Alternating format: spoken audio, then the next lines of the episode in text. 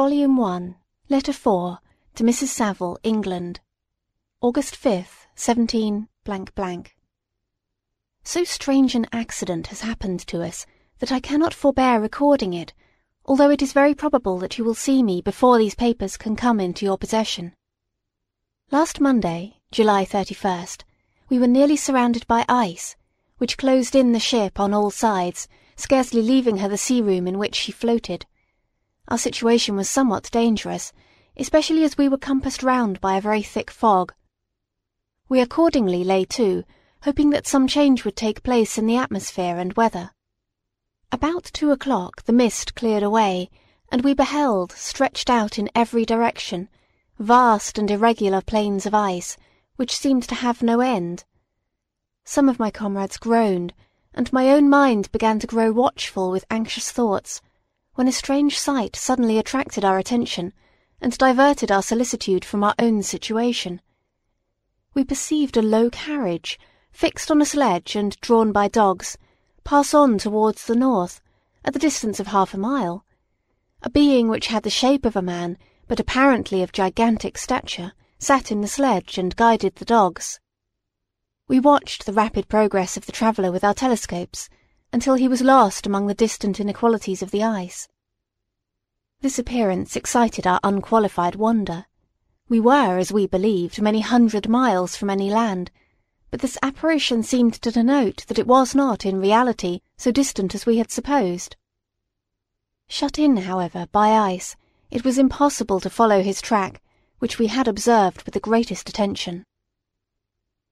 About two hours after this occurrence, we heard the ground sea, and before night the ice broke and freed our ship. We, however, lay to until the morning, fearing to encounter in the dark those large loose masses which float about after the breaking up of the ice. I profited of this time to rest for a few hours. In the morning, however, as soon as it was light, I went upon deck, and found all the sailors busy on one side of the vessel, apparently talking to someone in the sea.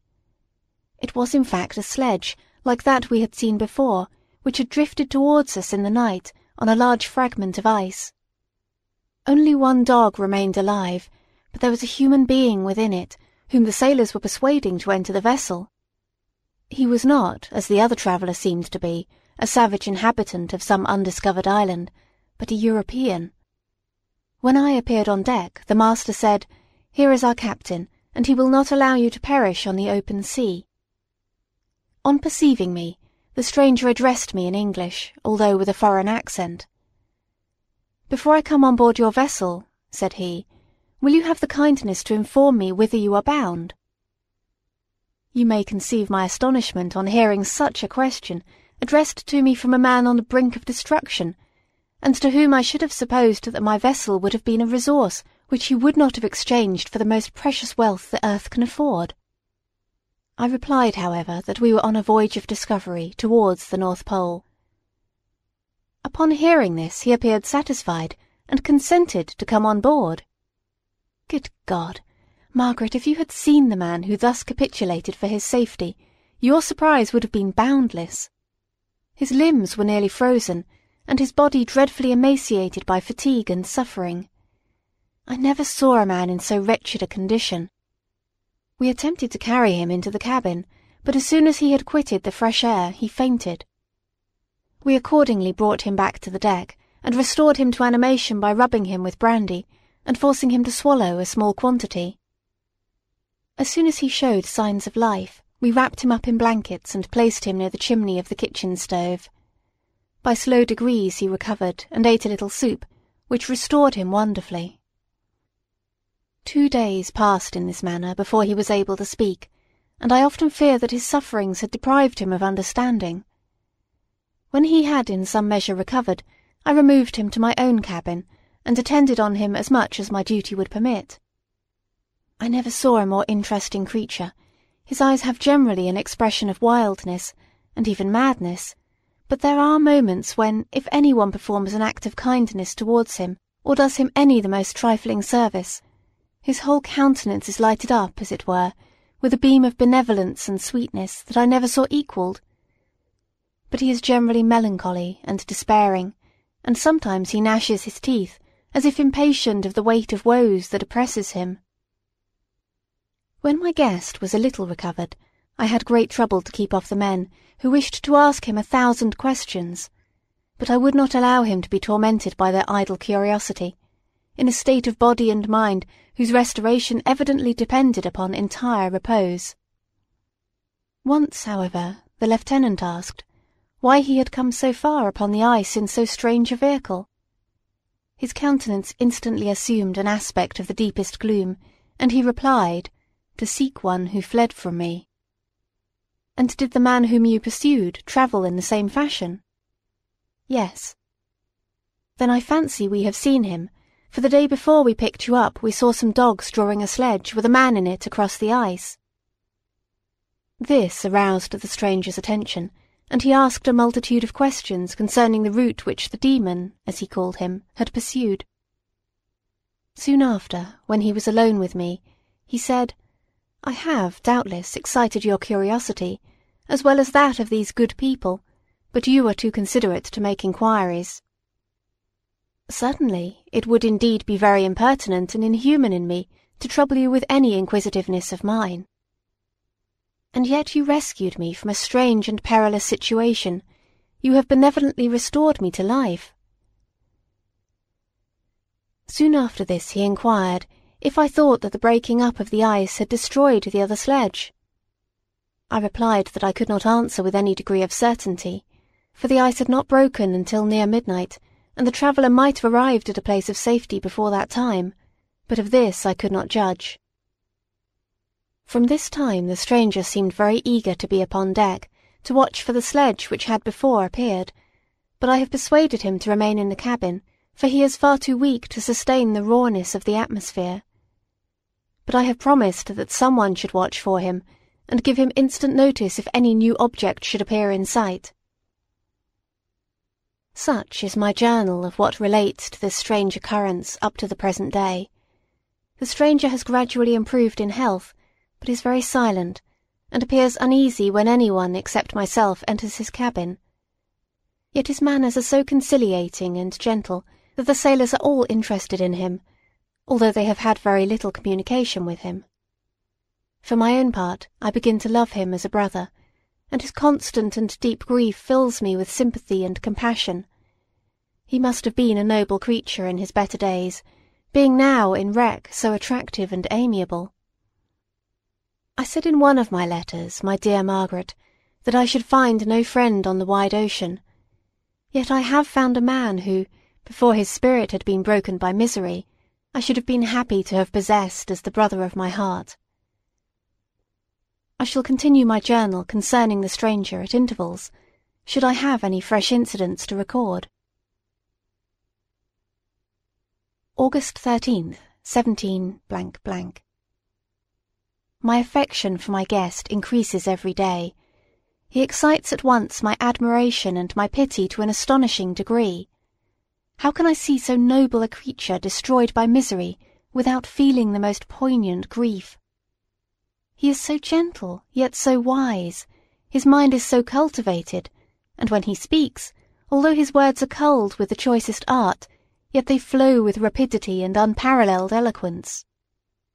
He is now much recovered from his illness, and is continually on the deck, apparently watching for the sledge that preceded his own. Yet, although unhappy, he is not so utterly occupied by his own misery, but that he interests himself deeply in the employments of others. He has asked me many questions concerning my design, and I have related my little history frankly to him. He appeared pleased with the confidence, and suggested several alterations in my plan, which I shall find exceedingly useful. There is no pedantry in his manner, but all he does appears to spring solely from the interest he instinctively takes in the welfare of those who surround him. He is often overcome by gloom, and then he sits by himself and tries to overcome all that is sullen or unsocial in his humour.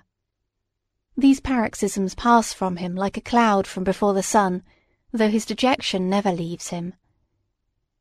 I have endeavoured to win his confidence, and I trust that I have succeeded.